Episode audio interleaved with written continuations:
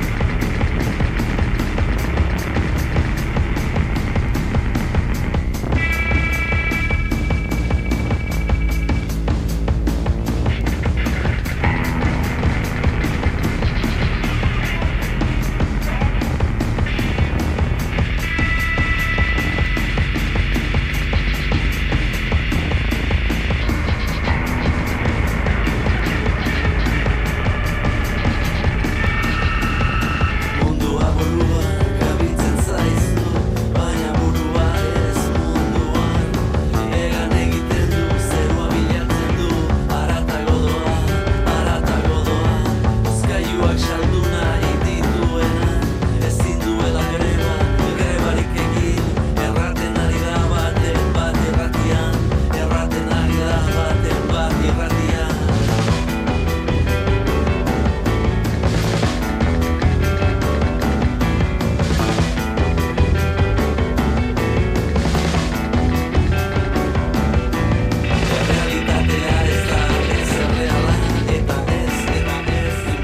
Joseba Irazoki, uno de nuestros músicos más virtuosos, también más polivalentes, casi siempre cerca de la vanguardia y el riesgo artístico. Este músico navarro ha formado parte de mil proyectos y otras tantas colaboraciones, aparte de su carrera en solitario junto a Lagunac.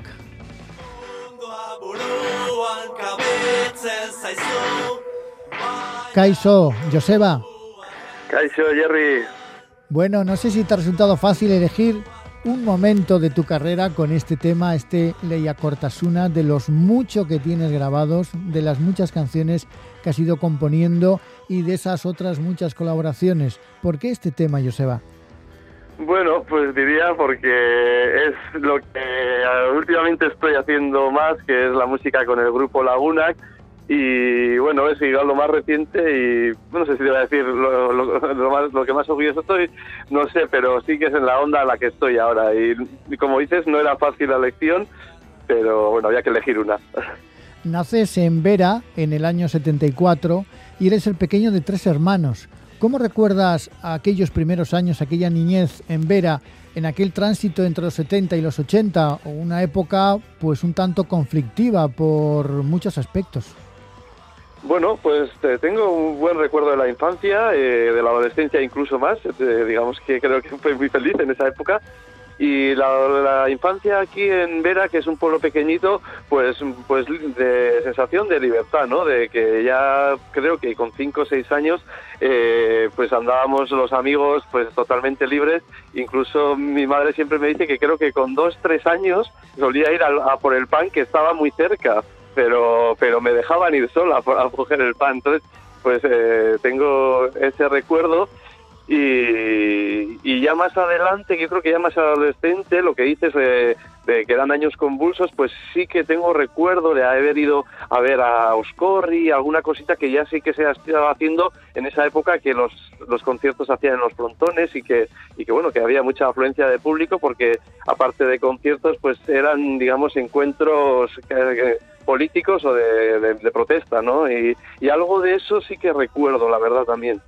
Bueno, eso de que con dos, tres años te dejen ir a por el pan, que duda cabe que es una de las ventajas de vivir en, en, un pueblo, en una localidad pequeña, ¿no? Aunque también viviste dos años en Pamplona e incluso nueve meses en Londres. ¿Qué te llevó a un sitio y a otro?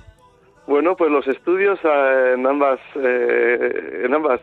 Eh, la primera empecé carrera universitaria, estudiar enfermería, que la verdad no tenía muy claro lo que quería hacer. Bueno, yo tenía claro que se quería ser músico, pero Eh, a los 18 años mis padres en principio no me dejaron, no lo veían, creían que tenía que estudiar otra cosa. Y estuve allí dos años, pero no, no me centraba demasiado y volví a, sentir, a sentarles eh, sobre la mesa a mis padres comentándoles que lo mío era la música y que quería dedicarme a la música. Y además no a la música clásica o jazz, que sí que había enseñanza superior en España, incluso en Francia, en Euskadi no había, pero yo tenía claro que quería ser músico de rock eh, o pop. Entonces eh, estuvimos mirando escuelas y después de hacer un gran esfuerzo ellos económicamente, pues pasé allí nueve meses en un Guitar Institute que se llamaba en Londres y la verdad estuvo guay, pero decirte que, que fue duro, ¿eh? fue, fue bastante duro porque no había tanta comunicación como hay ahora con internet y así, estaba muy muy atado a los amigos aquí en, el pueblo, a la familia y bueno, y el contacto era, era poco y, y bueno, eh, muy satisfecho también porque trabajé y saqué buenas notas, digamos, eh, pero, pero tampoco fue del todo fácil. ¿Qué año estuviste en Londres? 94, 94, curso 94-95. O sea que tenías 20 años en aquel momento. Correcto, correcto. Bueno, pues qué duda cabe que ir a Londres con 20 años eh, no se olvida, ¿no? Supongo que también te empaparías de muchas cosas que verías allí. Sí, pero no es que me arrepienta. Eh, como te digo, eh, sabía que mis padres estaban haciendo un esfuerzo económico muy fuerte, entonces me centré mucho en los estudios. Además, eh, en vez de ir a una residencia, que de eso sí que me arrepiento, también por aprender más inglés, pues me fui a una familia. entonces, claro, tampoco tuve mm, mucha relación con el mundo exterior, si te digo la verdad, porque era bastante clase eh, casa, estudio en casa saco de horas. Entonces, bueno, lo que era la escena inglesa de música, algo, algo me, llegó, y algún concierto iba con los compañeros de clase y así, pero digamos que estuve igual hasta demasiado centrado en, en los estudios, pero lo que te digo, tenía que hacerlo, tenía que hacerlo. ¿Llegaste a aprender inglés en esos nueve meses? Diría que sí, porque mm, no me costó, eh, las clases las, las, las recibía pues sin, sin, problemas, al final el vocabulario, el vocabulario que se utilizaba eh, siempre era parecido y no, no tuve dificultades. Y como te digo también esta, la familia era inglesa, entonces no tenía ningún contacto con el castellano, eh, más que hablar por teléfono una vez a la semana, hacíamos con casa y entonces eh, por cojones tenía que aprender. Y entonces así fue un poco hacía golpe y porrazo porque tampoco iba con el nivel que había cogido en el instituto. O sea que tampoco di clases ni nada de eso que ahora se, se, se, estila más vamos. Joseba ¿y cuándo eres plenamente consciente de tu afición y de tu vocación musical?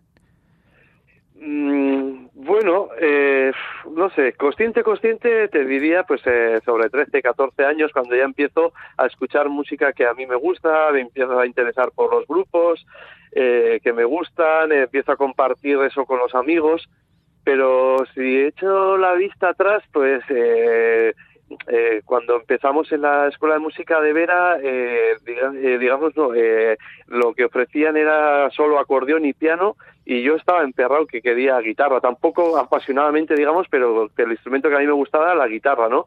Y luego, pues la guitarra, como es un instrumento que la puedes llevar de un lado para otro, pues recuerdo pues que alguna vez que íbamos de colonias, pues me llevaba la guitarrilla y pues hacía mis cancioncicas y, y bueno, yo creo que, que que esa, esa cosilla ya, ya estaba, ya estaba pues germinando, ¿no? Estaba dentro de mí ya. ¿Y cómo te llega esa primera guitarra? Pues la primera me compran mis padres, mis padres a los nueve años, a los nueve años, y por, por lo que te digo, eh, tenía que empezar la escuela de música y, y ellos me compraron, sí. En el año 89, entonces tienes por lo tanto 15 años, es cuando formas tu primer grupo. Un primer grupo que eh, nunca se menciona en tus biografías, eh, ZUP.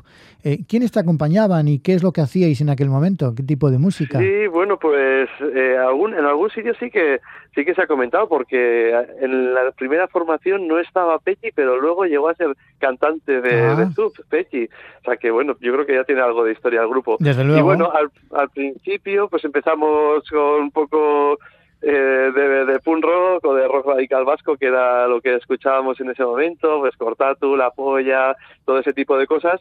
Y luego me fui escurando un poquillo hacia el virtuosismo guitarrístico y ahí entré un poco en el mundo heavy metal y tuvimos una fase así un poco heavy, eh, pero cuando ya empezamos un poco más serio a dar conciertos y salir un poco del pueblo, lo que es la zona de aquí de Bortidiac, eh, ya había empezado eh, ver a un poco la escena, digamos, no sé si la escena es la palabra, pero de música más experimental o salieron grupos como Utarico Bat, Borrocan, entonces ya el grupo también ya eh, las cosas que tenemos grabadas, quitando una maqueta que ya no es tan, no es heavy, eh, digamos que estábamos ahí un poco en el post-rock o el post-hardcore, un poquito, las poquitas cosas que grabamos. Bueno, lo tocasteis prácticamente casi todo en aquellos inicios. ¿eh? Bueno, qué duda cabe que hay que hablar de Vera, porque nos preguntamos qué tiene Vera para ese vanguardismo musical, para la cantidad de músicos que habéis salido un poco dentro de esa escena, eh, músicos muy inquietos, muy vanguardistas. Hablamos de una localidad de apenas 4.000 habitantes. Yo no sé si tiene algo que ver el que estáis ahí entre varias mugas, ¿no? Navarra con Iparralde, Navarra con Guipúzcoa, Navarra con la comunidad autónoma vasca, pero ya lo has dicho tú, empezaste con Petty y se podría sumar a los varios irazokis que estáis ¿Qué tiene Vera? Bueno, yo creo que es un poco lo que has comentado, ¿no? Es lo que suelo pensar yo y lo que suelo decir cuando me preguntan esto. Yo creo que al estar eh, localizado eso, sobre todo para mí, eh, con la muga de Iparralde y diría yo más que estamos, eh, pues eso, ya con Francia, conectados con Francia de una manera, pues cambia un poco la historia en el sentido de que pues eh, hemos tenido acceso igual a conciertos, eh, vamos a Burdeos, por ejemplo, que igual todavía no llegaban aquí, eh, o, grupos que venían aquí, digamos que estaban en Bayona de gira, pues venían a ver, y había una escena ahí en Po, Burdeos, que también hacía música experimental, entonces pues de repente, pues para aprovechar el viaje a Bayona, pues llegaban y tocaban en el pueblo, y todo, todo ese tipo de cosas, yo creo que, que, que afectan. Eh, eh, por ejemplo, había una distribuidora en Biarritz, eh, Amanita Records, que traía, pues eso, mucha, mucha música y, Xavier Erquicia, que estaba muy muy metida en ese tema, pues eh, traía discos pues para vender, entonces solíamos quedar a tomar el café en el bar y ahí hacíamos intercambio de discos, entonces yo creo que fue un poco todo eso, ¿no? Es lo mismo que pasó un poco con Endarri y Irún, yo creo que ellos también eh, que también se salían un poco del tiesto, pues creo que alguna influencia de eso, de, haber ido hacia el otro lado, pues igual también les, influyó. Antes nos has contado que a los nueve años te compran la primera guitarra tus propios padres. Por lo tanto, eh, tu familia en ese sentido eh, se puede decir que ha sido cómplice o no, ha sido contraria a tu carrera como músico. También te decían que estudiaras otras cosas, ¿no? Incluso empezaste enfermería, como has contado. Sí, no, no. Eh, me han apoyado siempre. Lo que pasa que yo entiendo, pues como padre, pues que, que, que, quisieran que, que, tuviera pues un seguro, ¿no? Algo sólido, ¿no? Algo sólido, ¿no? Pero no, no, ya la segunda vez que, que les senté alrededor de la mesa, pues lo, lo vieron claro y, antes también cuando, pues eso, cuando estábamos aquí de, adolescentes con los chavales y quedábamos para ensayar y, dábamos conciertos por la zona, pues siempre han venido a verme y igual siguen ahora igual y bueno, siempre he sentido mucho apoyo, la verdad. ¿Eras buen estudiante? Mm, bueno, lo que te digo, hasta hasta acá más o menos. Y luego en la universidad, como no, no, no estaba centrado, pues no saqué muy buenas notas, la verdad. Pero luego ya en Londres sí que, saqué todo con, buenas notas, sí. Eh, volviendo, Joseba, a tu carrera como músico, ¿podrías decir que la música te ha hecho sentirte distinto, diferente, incluso marginado o acogido en una profesión que desde luego aquí en nuestro país todavía tiene, digamos que escasa tradición? Bueno, eh, marginado no creo y acogido pues depende, depende, sí. Eh, sobre todo a la hora de salir pues eh, del pueblo en el pueblo bueno mm, creo que siempre eh, me han conocido como soy eh, antes de ser músico y, y, bueno sí que es verdad que cuando haces conciertos en el pueblo y te gustan bueno pues ese, esta semana igual los saludos son como más más intensos. Pero quizás a la hora de, salir por ahí pues bueno no sé, la gente, pues bueno, pues te, te, te, te, trata con aprecio, la verdad, ¿no? Lo que he sentido es eso, que la gente te tiene aprecio y, y bueno, eso, no sé, eh, te, hace sentir bien y, y, es lo que hay, ¿no? es una profesión diferente, ya sabemos, una, es una manera de vivir, de dedicarse a la música, es una manera de, eso, un estilo, un estilo de vida pero que tiene muchas cosas positivas. Otras son difíciles, pero en general yo me quedo con lo positivo. Una forma de vivir que duda cabe, que en tu caso ocupa probablemente las 24 horas del día, pero también te interesan algunas otras cosas, no demasiadas, porque efectivamente la música ocupa mucho tiempo, pero por ejemplo también el cine, ¿no?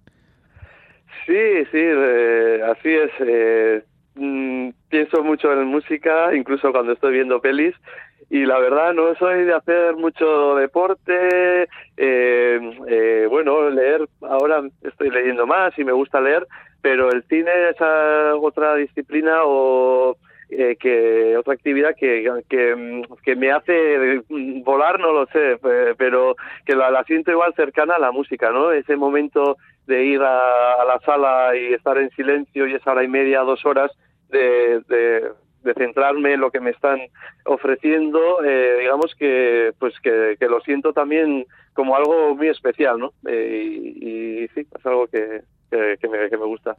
Eh, músico a tiempo completo, pero también muy aficionado a escuchar música. Digo porque eh, en la mayoría de los casos, pues quizás sea una afición que se va perdiendo con el tiempo, que mucha gente la tiene en la juventud, pero que luego la va perdiendo. No es tu caso, ¿no? Eres también un gran oyente, un gran melómano.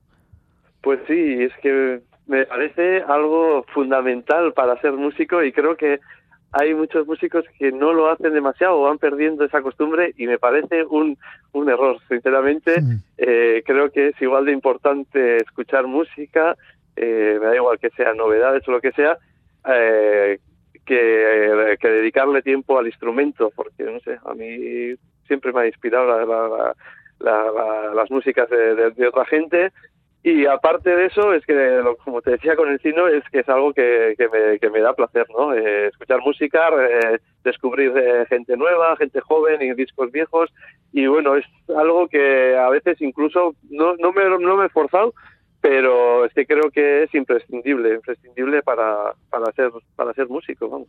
Has colaborado con muchísima gente, yo creo que siempre has dejado bien claro tu sello. ¿Qué les pides a esas colaboraciones? Cuando alguien te llama, ¿qué es lo que te hace decir que sí? Mm, bueno, eh, últimamente ya es más la calidad musical, claro, al final...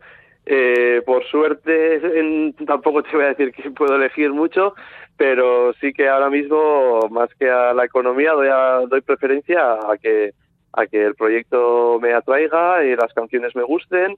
Eh, entonces, esa es la prioridad, la, básica y, única. Si alguien me ofrece dinero y no me gusta el proyecto, pues, pues digo que no.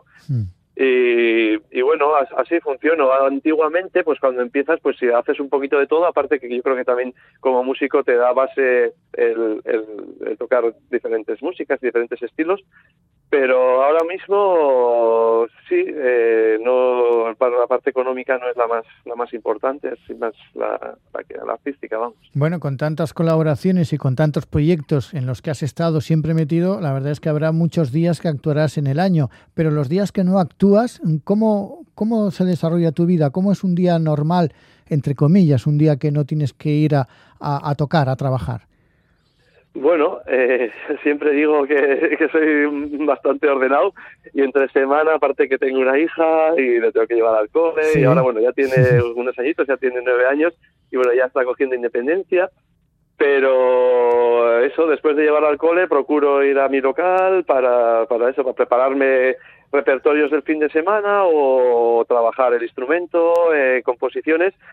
Y a las tardes es cuando igual cojo algo de tiempo, pero eh, normalmente eso es estar, estar, estar con mi hija, estar con mi hija y el fin de semana sí que, que si no toco, que la verdad que, son pocos, suele estar son pocos, pues le diría la verdad, pues como te decía antes y excesivamente, pues me gusta ir a ver conciertos sobre todo.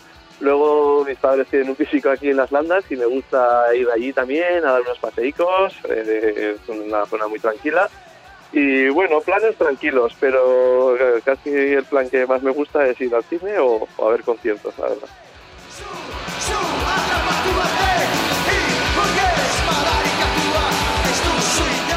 Joseba, como final, has elegido este tema de Cortatu, histórico grupo, histórica canción, histórico momento para la música en Euskal Herria. ¿Por qué Cortatu? ¿Es tu primer recuerdo quizá de conciertos, primer recuerdo de adolescencia o incluso casi de niñez?